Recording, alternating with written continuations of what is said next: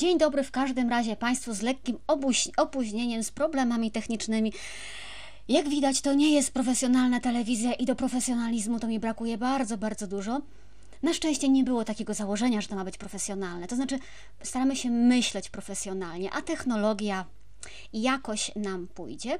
E, przypominam, siostra Izabela się wita i wszyscy inni, którzy tam mi teraz pocieszają, że widać i słychać. Bardzo się cieszę. Zbigniew, cieszę się, że Zbigniew jest z nami. Podrzucam Wam link do Patronite'a. Przypominam o lajkach pod filmem, o subskrypcjach e, na YouTubie i wszystko, jak możecie wesprzeć program, nie przedłużając rozkład jazdy na dziś. Mm, y, kilka komentarzy jeszcze po y, poniedziałkowej kwerendzie y, o ojcu Tadeuszu Rydzyku, który idzie albo nie idzie na emeryturę, o tym, czy sekularyzacja to koniec kościoła, o tym, co się wydarzyło i nie wydarzyło w Kanadzie. No i na koniec trochę o Świętopietrzu, bo przyznam Wam, że trochę mi brakowało już takich tak mm, takich tematów, które są trochę niekoniecznie dotyczą bieżących wojenek. To tak na dziś sobie wymyśliłam. E, to jest program Reportaż z Wycinków Świata. Monika Białkowska, zapraszam. Aleksandra podpowiada, potrzebna tabliczka, za chwilę dalszy ciąg programu. Proszę Państwa, to się da zrobić, ale nie każcie mi teraz tutaj grzebać, bo, bo oczywiście znowuż się wyłączę i będzie tragedia. Mm, kilka słów do powiedzenia po tych poniedziałkowych wynikach kwerendy. Mm, bo wiecie, ja sama złapałam się na tym, y, że po prostu wysłuchałam, przeczytałam, mm, streściłam i tyle. Nie zrobiłam jednego. Y, nie zestawiłam wyników tej kwerendy z wynikami kwerendy poprzedniej. Nie dodałam do siebie liczb. E, poprzednia kwarenda mówiła o zgłoszeniach od 1990 roku do czerwca 2018. Ta ostatnia, druga, od lipca 2018 do końca 2020 roku. To znaczy, że tam się nic nie pokrywało, że jeżeli dodamy do siebie te przypadki, to otrzymujemy pewną sumę. No i z tej sumy, proszę Państwa, wyszło mi około 970 zgłoszonych pokrzywdzonych od 1990 roku. Y, plus ci od 58, tak? Ale jakby w, całej, w całym momencie, kiedy zaczęliśmy ich, y, zaczęliśmy szukać tych pokrzywdzonych. Y, mówimy tutaj oczywiście o osobach zgłoszonych, a nie o pozytywnie zweryfikowanych zgłoszeniach, bo tych danych jeszcze nie mamy, ale to i tak nie jest 320 z groszami, to jest 970 zgłoszeń z tej naszej historii powojennej, prawie 1000 z tą liczbą Was zostawiam, bo no bo chyba na razie nie będziemy tego więcej komentować. E, wyniki tej kwerendy komentowała też inicjatywa Zranieni w Kościele, czyli założony z inicjatywy świeckich i przez świeckich telefon zaufania, teraz już w zasadzie całe Centrum Wsparcia dla Osób Pokrzywdzonych. Katarzyna Stroczyńska, która jest rzecznikiem tej inicjatywy, zwraca uwagę na to, o czym też mówiliśmy, że potrzebna jest edukacja i księży, i biskupów, ale też wszystkich świeckich na temat tego, jak wygląda doświadczenie osób dotkniętych przemocą seksualną potrzebna jest wiedza, jak ich słuchać, jak z nimi rozmawiać, żeby nie pogłębiać cierpienia tych ludzi. Mówi o tym, że niezbędne jest ścisłe przestrzeganie prawa. Y, za konieczne, cytuję, uznajemy również wprowadzenie zmian w prawie i praktyce Kościoła, na przykład ustanawiających obowiązek informowania pokrzywdzonych o przebiegu ich sprawy. Coś, co wydaje się w zasadzie abecadłem, prawda? A tak trudno jest te zmiany y, wprowadzić. Ale wywiadu na temat wyników kwerendy i w ogóle sytuacji Kościoła w Polsce mm, wobec tego kryzysu mm, udzielił ksiądz profesor Andrzej Kobyliński. E, żeby nie było, słuchajcie, nie czytamy tego wywiadu po to, żeby, e, żeby się czepiać, tylko żeby parę rzeczy dopisać sobie na marginesach. Ksiądz profesor mówi o tym, że nie wie, czemu miała służyć ta poniedziałkowa prezentacja kwerendy, bo z podawania danych statystycznych niewiele wynika, poza poprawą wizerunku, a my potrzebujemy kompleksowego raportu o nadużyciach w kościele. E, I powiem Wam, że ja mam tutaj wątpliwość, czy to naprawdę jest tylko kwestia e, wizerunku. Wiecie, mm, To jest tak, jak ktoś, jeżeli ktoś z Was przeżył jakiś wypadek, jakąś kraksę na drodze, to potem inni go pytają, albo on sam się zastanawia, a przecież mogłem odbić w lewo, a nie w prawo i nic by się nie stało. No, no ale w trakcie nie odbił, tak? Bo był w tej sytuacji pierwszy raz. E, no fajnie jest poćwiczyć sobie w kontrolowanych warunkach wchodzenie w poślizgi, żeby potem, kiedy to się zdarzy na drodze, mieć pewność to nigdy jej nie mamy, no ale jakąś większą szansę, że zadziałamy prawidłowo. E, musimy sobie zdawać sprawę, że jesteśmy teraz w sytuacji, kiedy to się dzieje po raz pierwszy. Nikt tego u nas wcześniej nie robił. Działamy w olbrzymich emocjach, działamy pod olbrzymią presją. I to Jakub Pankowiak tak naprawdę zwrócił mi na to uwagę, bo ja też byłam taka, ach nie, mm, że w porównaniu do tej e, niesławnej konferencji z 2019 roku, my naprawdę zrobiliśmy ogromny krok naprzód. Może dobrze i dobrze, że są tacy, którzy tę drogę, e, na tej drodze trochę pospieszają Kościół.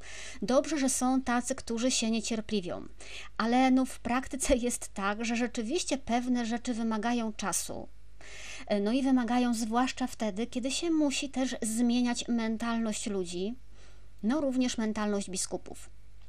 Zastanawiam się, wiecie, co, e, co by się y, musiało stać, wydarzyć teraz, żeby to nie była tylko poprawa wizerunku. Y, mówiliśmy kiedyś o tym, nie? że co, że prymas ze służbami specjalnymi ma wkroczyć do budynków wszystkich kurii i wyciągać stamtąd siłą dokumenty. Nie da się. E, czy prymas ma się podać do dymisji i wezwać wszystkich biskupów do tego samego? No też o tym rozmawialiśmy, rozmawialiśmy o wariancie chilijskim, to by nic nie dało w tym sensie, że naprawdę nie polepszyłoby sytuacji pokrzywdzonych w tej chwili w Polsce. Mam wrażenie, że to właśnie byłoby takim czystym PR-em i grą na poprawę wizerunku, a przy okazji obawiam się, że ci, którzy do tego wariantu chilijskiego najbardziej wzywają, przynajmniej po stronie księży, to nie wiem, czy aż nie przebierają nóżkami, żeby tych zdymisjonowanych stu biskupów od razu razu zastąpić na ich stanowiskach. E, dymisje tak, one są potrzebne, ale najpierw stawiamy człowiekowi konkretne zarzuty, potem odbywa się rozpatrzenie tych zarzutów, a potem dopiero odbywa się dymisja.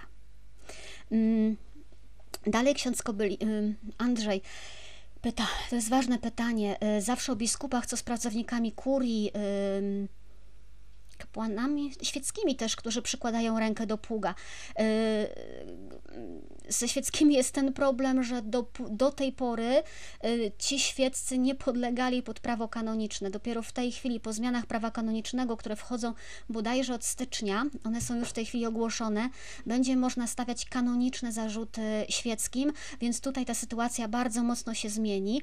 Ja też e, zwracałam uwagę, kiedy mówiliśmy w poniedziałek o tym, że nie bardzo rozumiem, dlaczego y, zgromadzenia zakonne żeńskie są wyłączone z tej kwerendy, tym bardziej, że na konferencji prasowej mówiono, że y, Vosestis Lux Mundi dotyczy duchownych, a jak sprawdziłam, to tam jest mowa o duchownych oraz członkach Instytutów Życia Konsekrowanego. No więc, no więc siostry jakby też się, też się w to łapią, też jakbyśmy tego, tego nie zauważyli. Yy, dobra.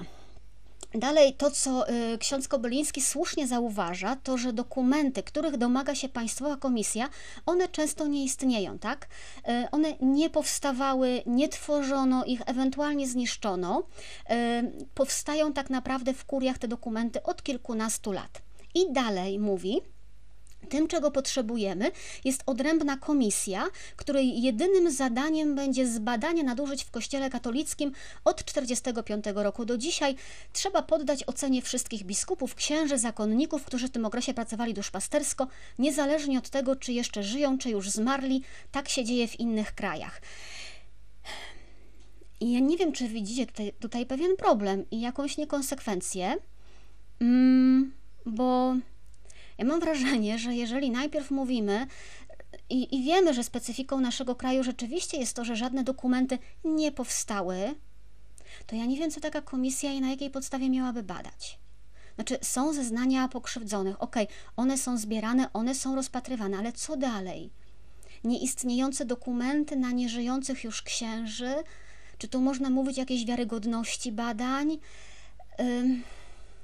Wiecie, ja wiem, że to brzmi strasznie. Obawiam się, że my niestety w kwestii pedofilii Kościoła w Polsce, nawet kiedy zrobimy już wszystko, co było możliwe, na razie jeszcze tego wszystkiego nie robimy, nie mam złudzeń. Ale kiedy zrobimy już wszystko, to i tak w pewnym momencie będziemy musieli z całą pokorą i bólem dźwignąć jakiś bagaż niewiedzy, tak? To znaczy przyjąć zeznania pokrzywdzonych, uwierzyć im i to wszystko. Przeprosić, yy, może wypłacić odszkodowania, ale będziemy musieli przyjąć też jako winę naszych przodków to, że niektórych spraw nie da się wyjaśnić, bo one umarły razem z ludźmi. Y, to jest, y, no to jest cień komunizmu, który się jeszcze za nami niestety trochę pociągnie.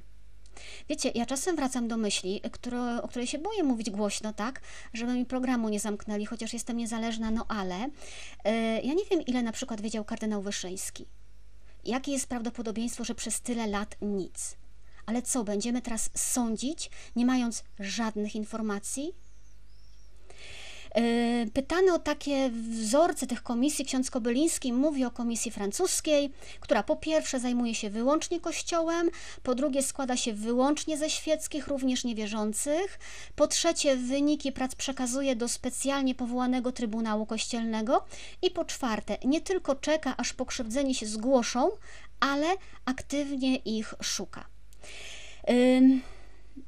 Nadal nie mamy tu odpowiedzi, oczywiście, co badać, jeżeli dokumenty mamy tylko z ostatnich kilkunastu lat.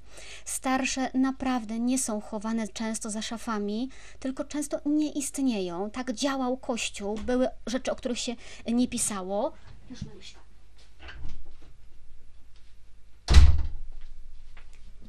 Dzień kota. E, ale mam też wątpliwość co do szukania ofiar. Mm, wspominałam o tym ostatnio. Nie wiem, czy Jakub jest y, dzisiaj z nami, czy może Robert nas słucha, y, może inni, którzy przeżyli swoje doświadczenia zranienia.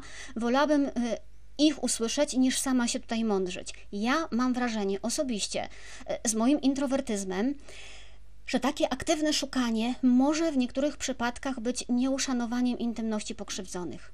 Że ważniejszy tutaj takim szukajmy ich jest znów interes kościoła, interes instytucji, że my się tak koniecznie chcemy rozliczyć, że nie zauważamy, że możemy tutaj też kogoś zranić. E, wydaje mi się, że jeżeli ktoś nie chce mówić o swoich przeżyciach, to ja mam obowiązek nie zmuszać go do tej opowieści. E, I ja osobiście, gdybym miała za sobą traumę, to taka świadomość, że ktoś teraz wyrusza i jedzie szukać pokrzywdzonych yy, i sam się do mnie odzywa i mnie wypytuje, no to dla mnie byłaby opresyjna. E, I to wcale nie dlatego, że wieś się dowie i że będzie stygmatyzowała e, mnie jako pokrzywdzoną, bo nawet gdyby cały świat krzyczał, że jestem akceptowana, to dla mnie są rzeczy, o których nie chcę głośno mówić, bo są moje. I jak to przyjmie świat, mnie naprawdę nie obchodzi. I żadna e, liczba artykułów i programów by mnie nie przekonała. Zaznaczam, jestem introwertyczką, może to dlatego, jeżeli jeżeli któryś z panów albo w ogóle ktoś jest z nami, z osób, które, które są pokrzywdzone i chce o tym mówić, to, to powiedzcie, jak wy to odbieracie, bo, bo jednych to może ośmielić, ale jeżeli ryzykujemy, że komuś w traumie jeszcze dokopiemy takim poszukiwaniem, to ja nie wiem, czy warto. Y, ksiądz profesor podpowiada, żeby zacząć badać spektakularne historie, być może zaczynając od listy ofiar Dymera, i że to byłoby ważniejsze od danych y, liczbowych, które usłyszeliśmy. No, moja wrażliwość tutaj właśnie wrzeszczy, że to jest instrumentalne potraktowanie pokrzywdzonych. Znajdźmy ich. No, mam wrażenie, że nie, że nie, nie, tędy, nie tędy droga. Marcin, y, to nie chodzi o to, czy dostanę pieniądze, to chodzi o to, że ktoś mnie szuka i ktoś dopomina się, żebym ja opowiedziała swoją traumę. To, to w ogóle nie jest kwestia kasy. Y, dla księdza, mm, dla księdza profesora szokujące jest, że prymas nie zająknął się na konferencji na temat pieniędzy, kto oglądał konferencję, ten wie, że tam bardzo konsekwentnie pilnowano, żeby na, ani na chwileczkę nie zboczyć z jej głównego tematu. Było o kwerendzie i tylko o kwerendzie. Tam się księża nie dali sprowadzić na żadnego głodzia ani na żadne inne pytania. Zgadzam się, odszkodowania to jest ważny problem. Wszyscy wiemy, że KEP gra na to, żeby ich nie płacić. Wszyscy też wiemy, KEP zdaje się nie przyjmować tego do wiadomości, że to niepłacenie się po prostu nie uda, bo nigdzie w świecie się nie udało, więc to jest tylko odwlekanie nieuniknionego. Ale żeby mnie to szokowało, że ten temat się nie pojawił akurat na tej konferencji, to nie, ani trochę. E, zdziwiłabym się, gdyby się pojawił, bo tam chodziło, tam naprawdę chodziło o, e, o statystykę. Jarosław Makowski pisze we wprost. E, pyta, co się stało z naszym kościołem, że nawet na wsiach na, Podkalu, na Podhalu e, słyszy się w głosach ludzi zawód i rozczarowanie, że katolicyzm rozmieniany jest na drobne. E, mówi, że zawdzięczamy to przede wszystkim hierarchom, wymienia Głodzia, Jędraszewskiego, Skworca, Dziwisza, całą tę plejadę gwiazd ostatnich tygodni i zadaje na koniec pytanie, które no nie jest w zasadzie specjalnie odkrywcze, ale jest bardzo ważne, bo mam wrażenie, że to jest pytanie, które my sobie często zadajemy. E, dlaczego Kościół w Polsce znalazł się w tak głębokim kryzysie moralnym, duchowym i intelektualnym? No i odpowiada tak, jak my też często odpowiadamy, bo się sprzeniewierzył Ewangelii, bo dobrą nowinę zastąpił programem politycznym. Ale, mówi Makowski, to nie jest tak, że winni są tylko biskupi. Mówi, wszyscy jesteśmy winni i pada mocne zdanie, dla którego w ogóle Wam o tym tekście mówię. Daliśmy się przez ostatnie lata szantażować. Kiedy tylko formułowaliśmy pod adresem Kościoła krytyczne zdanie, natychmiast pojawiało się stwierdzenie: Kościół jest jak matka, matki się nie krytykuje. To zamykało nam usta. Chowaliśmy się ze wstydu w zakrystii, bo przecież nie można podnieść głosu ani tym bardziej ręki na matkę Kościół. Dziś widać, jak fatalne w skutkach okazało się, że ulegliśmy temu szantażowi. Dlatego musimy przyjąć inną postawę. Jeśli kochasz Kościół, to go krytykujesz, gdy widzisz zło. To jedyna droga do oczyszczenia, bo w przyzwoitej wspólnocie nie wszyscy są winni, ale wszyscy są odpowiedzialni. Nie wszyscy są winni, ale wszyscy są odpowiedzialni. To chyba sobie trzeba nad łóżkiem, proszę Państwa, napisać i, no i przestać opowiadać o tych niektórych. Yy, wszyscy. To są te najciekawsze komentarze, które znalazłam i do których chciałam wrócić. Jeżeli, yy, jeżeli komuś się uruchamiają kolejne skojarzenia w głowie, to, to dobrze, yy, niech pracują. Mateusz. Przepraszam, z komentarzy się śmieję momentami. Tych dłuższych jest mi trudno, jest mi trudno czytać. E, wiadomość, która we wtorek obiegła media, dotyczy ojca Tadeusza Rydzyka. Jak podała jako pierwsza polityka, e, prowincjał redemptorystów poprosił ojca Rydzyka mm, o złożenie rezygnacji z kierowania radiem jako że w ubiegłym roku, w, tak, w ubiegłym roku ojciec Tadeusz osiągnął wiek emerytalny, 3 maja teraz skończył już 76 lat, w kościele na emeryturę przechodzi się w wieku 75 lat. Y, dla mnie mm, nieco dziwne jest, że w ogóle prowincja musi o to prosić. I że to jest prośba i sugestia, a nie dekret z automatu. Nie wiem, jak to wygląda w zakonach, jak to wygląda w innych diecezjach. Wydawało mi się, że o to się po prostu specjalnie nie prosi. Jak się osiąga wiek, to się dostaje papier. E, radio jest własnością prowincji redemptorystów, ale Wokół radia powstała masa innych podmiotów. Powstała telewizja, szkoła wyższa, e, geotermia, sanktuarium, muzeum. Tam ponoć planowana jest nawet budowa, budowa uzdrowiska. Tyle kochani, że te pozostałe podmioty, według informacji polityki, Sama tam nie kopałam, oczywiście nie jestem dziennikarzem śledczym. To nie jest już własność redemptorystów. To jest własność fundac- Fundacji Lux Veritatis. Fundacji Lux Veritatis zarejestrowanej i założonej na Tadeusza Rydzyka jako osobę prywatną. A to oznacza, jak czytamy w polityce, że zakon może nie mieć żadnych praw do tego, co powstało na bazie Lux Veritatis. Y, kto wymusi przejście na emeryturę właściciela fundacji w jego własnej fundacji? Lech podpowiada, że w zakonach nie ma wieku emerytalnego. To też dobra informacja, a to z pierwszej ręki informacje. Ciekawe tu są dwie rzeczy. Po pierwsze, y, co się odmieniło redemptorystom, że y, jednak postanowili ojca Tadeusza poprosić o odsunięcie się od radia. Y, wcześniej nigdy ani słówkiem, Michał zadajesz trudne pytania. Wcześniej ani słówkiem tak naprawdę przeciwko niemu nie stanęli, a przypomnę, że walki toczyły się od dawna jeszcze za kardynała Glempa.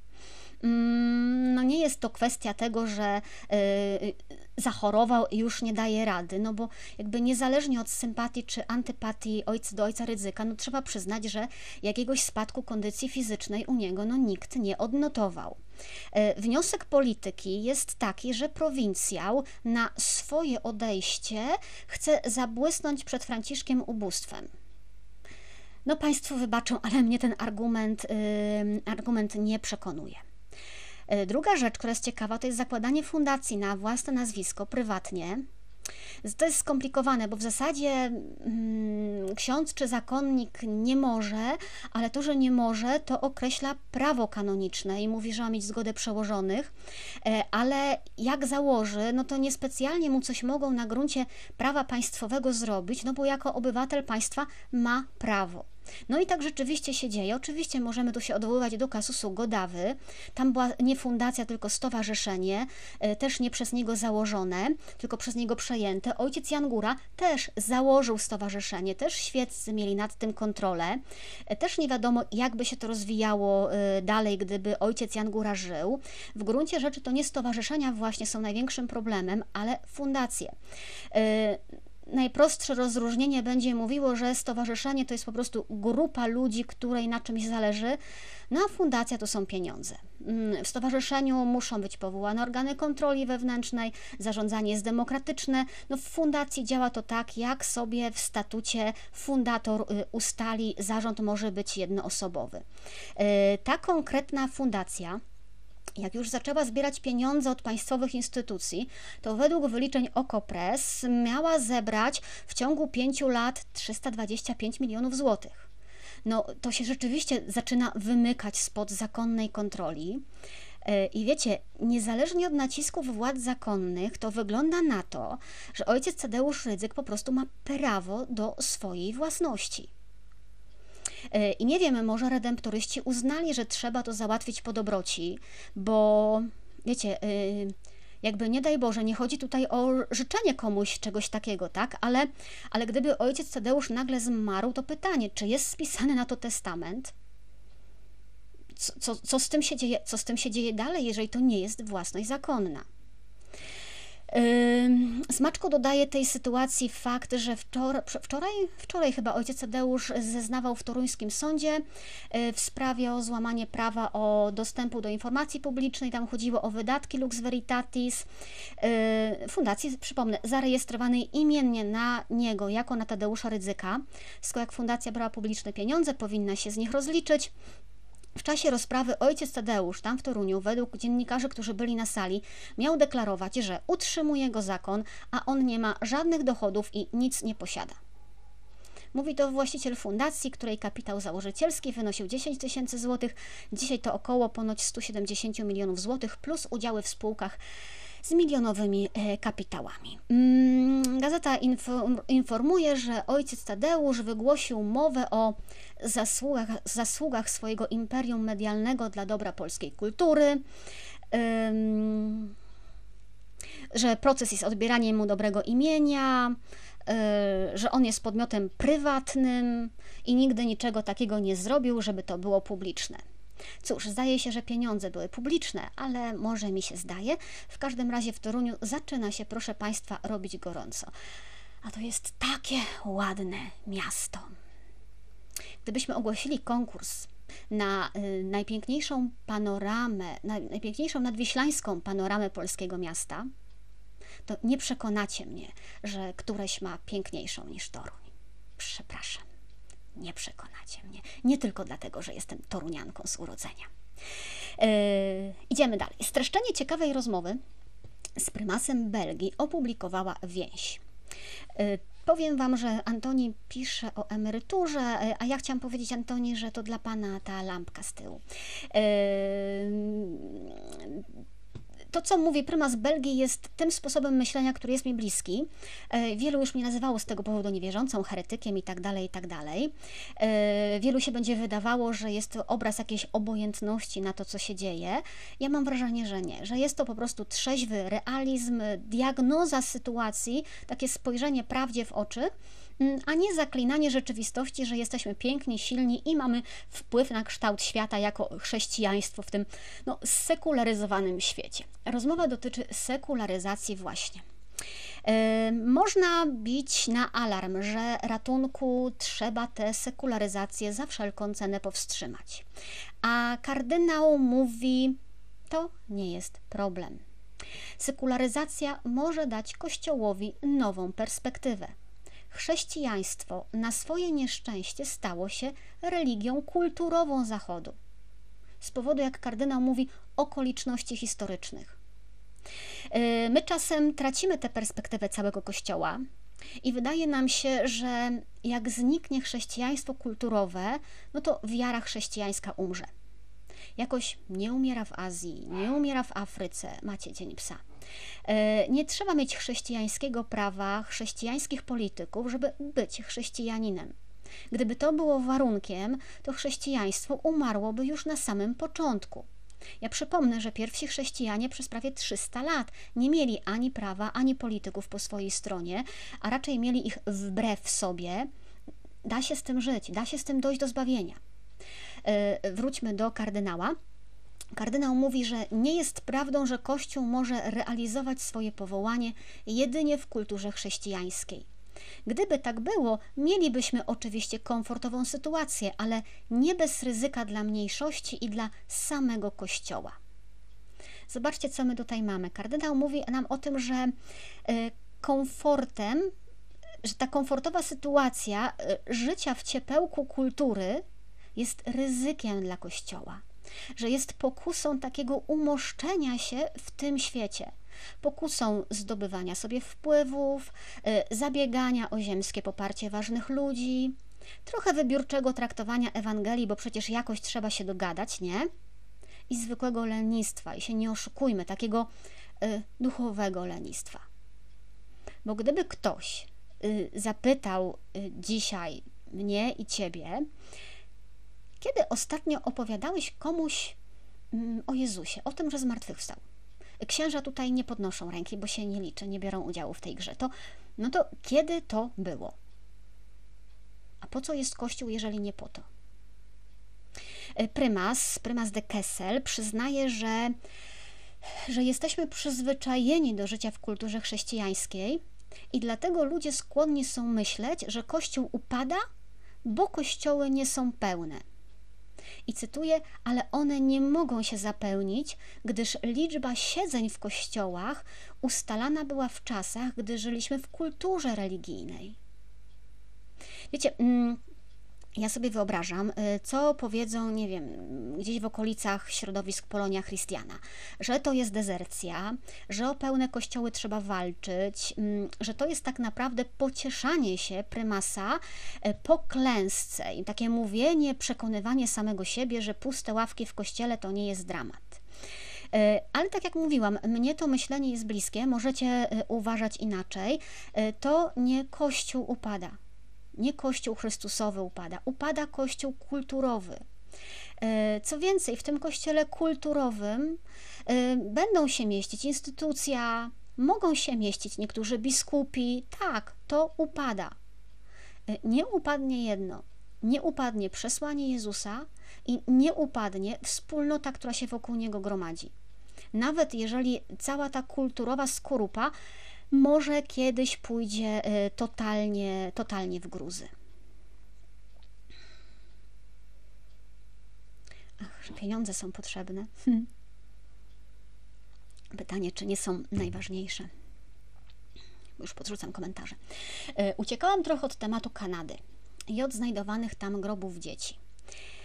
Uciekałam, bo y, miałam nadzieję, że uda mi się porozmawiać z ludźmi, którzy Kanadę i tamtejszy kościół znają naprawdę z bliska. Mm, na razie się nie udaje, zobaczymy, wciąż mam nadzieję. E, ale opowiem Wam na początek trochę inną historię. Historię pewnej katolickiej świętej. E, nie żyła wcale na terenie dzisiejszej Kanady, ale na terenie dzisiejszego USA, ale długo, zanim Stany długo przedtem, zanim Stany Zjednoczone e, powstały. Miała na imię Tekagwita. E, urodziłaś się w wiosce, która no, dzisiaj to jest w stanie e, Nowy Jork, ale Nowy Jork wtedy był jeszcze Nowym Amsterdamem, e, rządzili w nim holenderscy koloniści. Dziewczyna należała do plemienia, do plemienia Irokezów. Jej mama była wprawdzie chrześcijańską, ale wcześniej umarła. Tata był poganinem i był naczelnikiem całej osady, takim miejscowym wozem, wodzem. wozem. I też umarł na ospę. Tekakwita została sierotą, kiedy miała 4 lata. Przygarnęła ją ciotka, e, a potem całe plemię musiało uciekać i ukrywać się w puszczy przed białymi, próbując ocalić swoje życie, ale też próbując ocalić swoją tożsamość i kulturę. Ukrywali się tam przez lata. I kiedy Tetakwita miała 11 lat, e, plemię odnaleźli misjonarze, jezuici. Mówi się, że ona już wtedy świadomie przyjęła nową wiarę. Ale na dzisiejsze warunki, no, była jeszcze dzieckiem. Przyjęła chrzest, ale wbrew swojemu plemieniu. Czy to była głęboka wiara, e, czy to było nadużycie jezuitów wobec dziecka? W tamtym świecie jedynym oparciem dla człowieka był jego ród. E, nie było zasiłków, nie było opieki społecznej, nie było emerytur, nie było ZUS-u. E, a ona jakby zdecydowała się wbrew wszystkiemu posłuchać jezuitów, zostać chrześcijanką, przyjęła na imię Katarzyna, nazywano ją Kateri, e, a chrzest sprawił, że spotkała się w plemieniu z ostracyzmem. E, były kpiny, były szyderstwa, że nie pracuje w niedzielę, że nie chce wyjść za mąż. Nie wiem, gdzie byli wtedy jezuici, którzy ją ochrzcili, narażając ją jednak na to. Zostawili dziecko na pastwę całego oburzonego rodu. Y, w końcu uciekła spośród swoich, kiedy się wydawało, że no za chwilę ją po prostu zabiją. Przedzierała się przez lasy, przedzierała się przez bagna, zamieszkała 400 kilometrów dalej w katolickiej misji z inną chrześcijanką, też indyjskiego pochodzenia. Poznała innych chrześcijan, przyjęła pierwszą komunię, y, złożyła ślub czystości, uczyła dzieci religii, uczyła dzieci modlitw, y, bardzo lubiła strugać y, drewniane krzyżyki, wieszała je na drzwiach, rozkładała na polach, na drzewach, rozdawała ludziom jakby chciała tę przestrzeń wokół siebie uczynić chrześcijańską. Pytanie: była schrystianizowana, zewangelizowana czy wykorzeniona? Była uratowana czy była skrzywdzona? Żeby nie było, e, Kateri jest pierwszą beatyfikowaną Indianką. I wiecie, ja się zastanawiam, czy, czy my kiedyś nie będziemy też przepraszać za Kateri czy ktoś nie powie, że to nie Jezus ją pociągnął, jak jest w żywotach, ale jezuici złamali jej życie? Jak to dzisiaj rozstrzygnąć?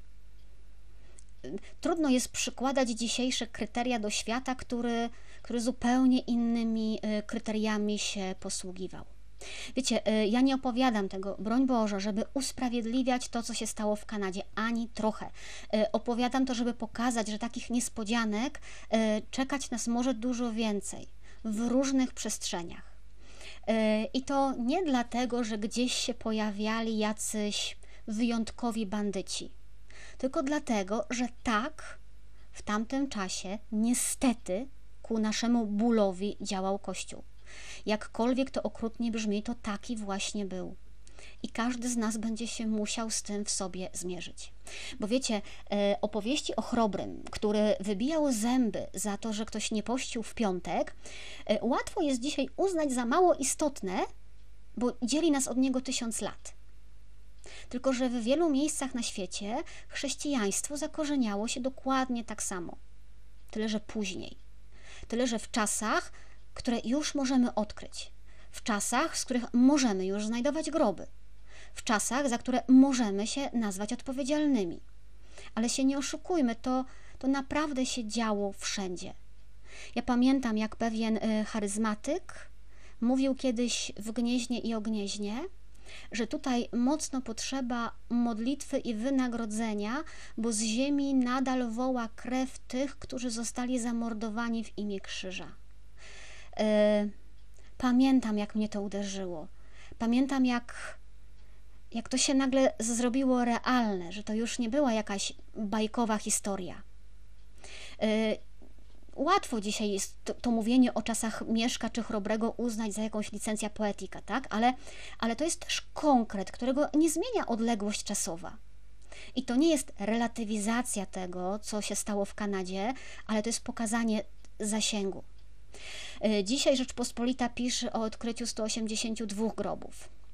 Szkoła, obok której ten cmentarz znaleziono, była prowadzona przez Kościół katolicki od 1912 roku do lat 70. E, była jedną ze 130 takich szkół założonych przez rząd Kanady, prowadzonych przez e, władze religijne w XIX-XX wieku.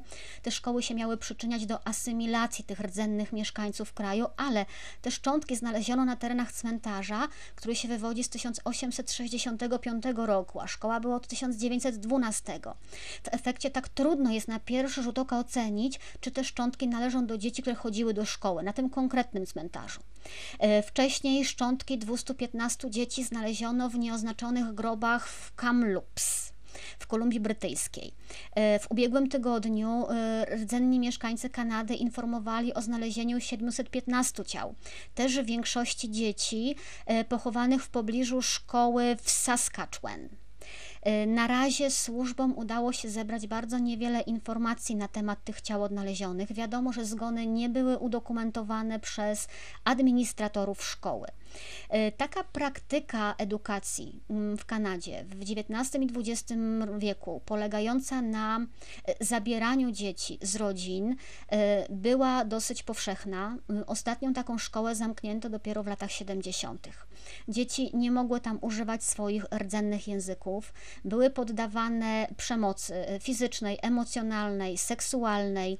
Rodziny nie otrzymywały wyjaśnień, co się stało z dziećmi, które stamtąd zabrano nawet jeżeli te dzieci y, umierały. Mm, dotychczas szacowano, że w ramach tego systemu y, one nie zostały zamordowane, tylko że przez zaniedbanie, przez choroby, w tym również przez przemoc, zmarło około 4 tysięcy dzieci. Dzisiaj sędziowie mówią nawet o 10 tysiącach y, ofiar. Mm, po pojawieniu się informacji na ten temat, y, o znalezieniu tych szczątków, przy kościelnych szkołach w Kanadzie podpalono przynajmniej chyba pięć już w tej chwili kościołów. Saskatchewan, y, drzwi kościoła są pokryte czerwonymi odciskami dłoni, na pewno to widzieliście. Y, czerwona farba, która symbolizuje krew, pojawiła się też na pomniku Jana Pawła II w Edmonton. Śledczy nie ukrywają, że motywem prawdopodobnie jest gniew. E, papież w grudniu ma się spotkać z przedstawicielami tych rdzennych mieszkańców Kanady. E, kardynał Quebec, Quebecu e, Lacroix odprawił w niedzielę mszę świętą z okazji Niedzieli Pierwszych Narodów, akurat to tak wypadło. Mówił o tym, że się ponownie te rany bolesnej przeszłości otworzyły. Mówił, że ta msza no, nie jest miejscem ani czasem na usprawiedliwianie się czy na odpowiadanie na zarzuty, bo, bo zbyt wiele jest ran i zbyt wiele emocji. Y, wyraził takie przekonanie, że nadejdzie czas, że historia rzuci y, światło na prawdę, ale mówił też, że jesteśmy współwinni tego, co się działo. E, cytuję: Nadszedł czas, aby przeprosili ci, którzy prowadzili szkołę z internatami i oni to zrobili.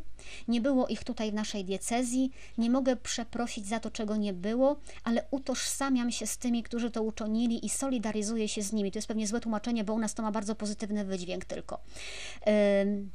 Mówi, że dzieci umierały za wcześnie, mówi, że doszło do zagubienia, zapomnienia grobów.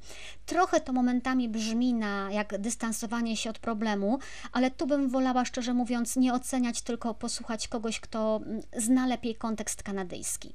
E, głos zabrał też, co jest ważne i co się chwali, prowincjał polskich oblatów. E, pojawiły się gdzieniegdzie doniesienia, że również polscy oblaci pracowali w tamtym czasie na terenie Kanady, że oni również zakładali e, i prowadzili takie szkoły. Pojawiły się wezwania, że oni również powinni przeprosić. Mniej wyraźnie pojawiły się dopowiedzenia, że polscy oblaci w tych konkretnych szkołach, gdzie znaleziono cmentarze, nie pracowali. E, no więc trudno wzywać ich do powiedzenia, który z nich konkretnie za te winy odpowiada. Prowincjał, ojciec Paweł Zając, zabrał głos, rozmawiał z Tomaszem Terlikowskim. Zresztą ojciec Paweł jest, pisał też i licencjat, i doktorat na temat właśnie katolickich misji w Kanadzie. E, pokazał, jak te szkoły powstawały, że to były instytucje państwowe prowadzone przez Kościół i w ogóle inne, w tym również inne związki wyznaniowe, to znaczy około 60% z nich było prowadzone przez Kościół katolicki, e, że ich celem rzeczywiście była ta asymilacja rodzimej ludności z osadnikami z Europy, którzy tam przyjechali. E, I cytuję, o ile rdzenni mieszkańcy Kanady spodziewali się korzyści płynącej z edukacji najmłodszych, szybko doświadczyli skutków kolonialnej mentalności. Powszechne przekonanie o wyższości kultury europejskiej w połączeniu z obcymi kulturze rodzimej zasadami funkcjonowania szkół zrodziło pasmo bolesnych doświadczeń tysięcy dzieci, które przeszły przez ten system. Zabierano te dzieci spośród rodzin, e, które odwiedzał urzędnik, nierzadko z przedstawiciel kościoła. Po prostu przychodzono po te dzieci do domów. E, relacje mówią, że często nie pozwalano tym dzieciom nawet pożegnać się z bliskimi. E, było to wtłaczanie dzieci w obcą cywilizację, wrogie im miejsce. Współczesne raporty, dalej cytuję, mówią między innymi o niedożywieniu dzieci, a także o najboleśniejszych przypadkach przemocy fizycznej czy wykorzystywania seksualnego. E, zapytany o sprawę grobów, ojciec Paweł Zając mówi, że według ekspertów przyczyny śmierci tych dzieci były bardzo różne, w tym również choroby, również nieszczęśliwe wypadki. One są badane. Przypomina też, że kanadyjscy oblaci od 1991 roku przepraszali za swój udział w prowadzeniu tych szkół rezydencjalnych. E, nazwali złem nie tylko nadużycia, które się odbywały w tych szkołach, ale w ogóle sam fakt istnienia tych szkół. E, pytanie o udział Polaków w tych szkołach w rozmowie e, nie padło. Tylko ja nie wiem, czy przynależność narodowa w ogóle to ma jakieś znaczenie. Obawiam się, że nie ma żadnego. Tylko wiecie, ja też dostałam dzisiaj wiadomość krótko przed programem od naszego słuchacza, mm, który od wielu lat mieszka w Kanadzie. E, Kanada, Kanada dzisiaj świętuje, więc napisał krótko, że, mm, że to nie jest coś, co wybuchło w Kanadzie dzisiaj, że Kanada o tym wiedziała że wiedziały o tym władze, odpowiednie komórki, że wiedziano mniej więcej, gdzie te cmentarze są, nawet jeżeli nie było nagrobków, że Kanadyjska Komisja Prawdy i Pojednania opublikowała raport na ten temat już w 2015 roku, że nigdy nic nie było tajone, więc niczego nowego w tej chwili nie odkryto, po prostu znajduje się tylko te konkretne, tylko, znajduje się te konkretne, konkretne miejsca. Oczywiście mm, ja będę jeszcze szukała tych kanadyjskich tropów. Mm, samo istnienie tych szkół absolutnie nie jest dobrym świadectwem. E, to, że nie przykładano szczególnej wagi do umierania dzieci, nie jest chwalebne. Jakby świadczy o lekceważeniu tych dzieci po prostu. Jeżeli ktoś nie udokumentowywał śmierci dziecka, to znaczy, że ono nie było ważne. E, to, że pozwolono tym cmentarzom zniknąć, też jest złem. Gdzieś czytałam, nie wiem dlaczego nie mam tego w notatkach, że ktoś mówił, że y, w latach 60. jeszcze jakiś ksiądz usuwał w ogóle te nagrobki.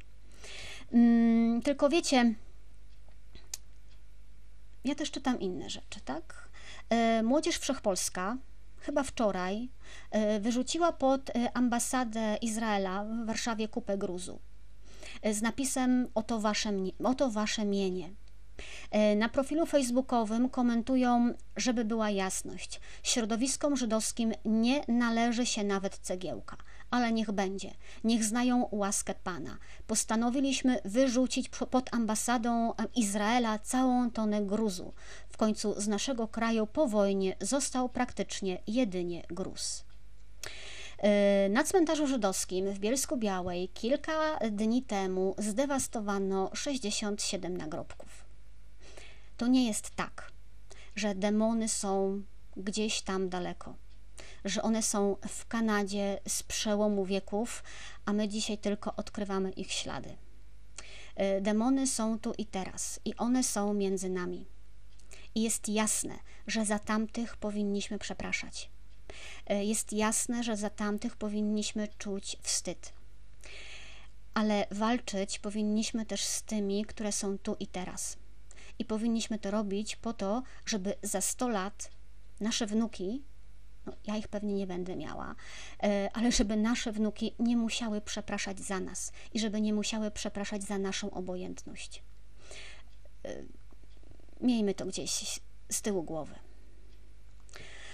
22.3 tak na koniec, słuchajcie, bo mówiłam już na początku, że męczy mnie czasem ta bieżączka i, i chciałabym się też zatrzymywać, tak jak robiliśmy to od początku, na takim lepszym rozumieniu Kościoła z różnych stron, też tych formalnych czasem. E, I skojarzyłam sobie, że we wtorek mieliśmy uroczystość świętych Piotra i Pawła, a z tym dniem łączy się coś, co się nazywa Święto Pietrze.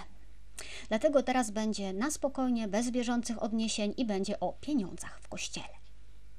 E, niektórym wciąż się zdaje, że w kościele obieg pieniędzy jest taki raczej z, z góry na dół, nie?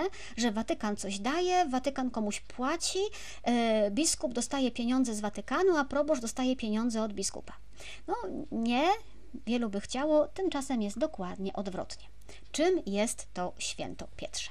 Święto Pietrze to jest e, danina, która kiedyś, przynajmniej oficjalnie, przeznaczona była na budowę Bazyliki Świętego Piotra. Składał się na to y, cały kościół. Potem, kiedy bazylika y, już stała, opłata nie zniknęła. Dzisiaj utrzymywana jest z niej y, rzymska kuria, misje, akademie papieskie, różne papieskie dzieła. W Polsce to święto Pietrze pojawiło się już w średniowieczu.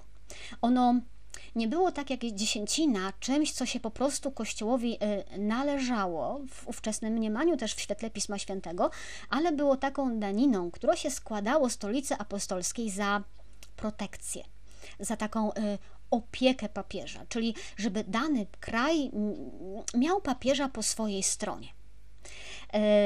A jednocześnie w drugą stronę to było takie nasze państwowe zapewnienie, że my jako kraj jesteśmy lojalni wobec papiestwa. Mieliśmy dzięki temu na przykład pewność, że jeżeli wejdziemy w spór y, z jakimś innym państwem katolickim, to papież nie stanie przeciwko nam, ale przynajmniej będzie między nami mediował. Przypomnę, mówimy o czasach, kiedy papież miał jeszcze y, jakąś realną władzę w świecie. Takie świętopietrze było zbierane po ludziach w określonej wysokości, potem było przekazywane biskupom, a biskupi przesyłali je do papieża. W różnych miejscach, w różnych krajach różnie liczono wysokość tej opłaty, e, albo od osoby, albo od ogniska domowego. To były tak zwane opłaty pogłówne, czyli od głowy, albo e, podymne, czyli od dymu ogniska e, domowego.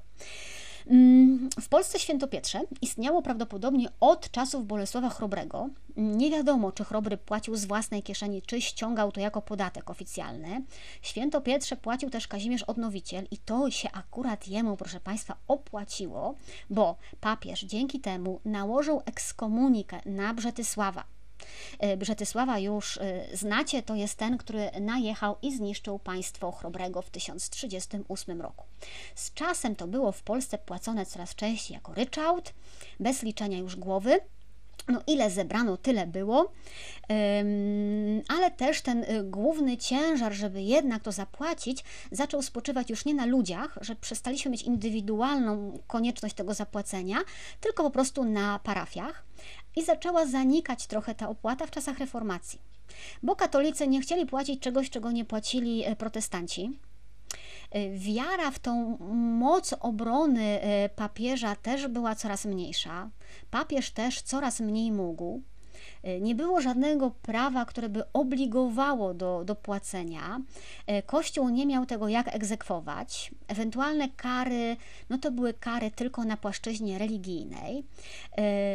I dlatego to święto Pietrze tak naprawdę upadło. Ono odżyło w XIX wieku. E, odżyło dlatego, że upadło państwo kościelne.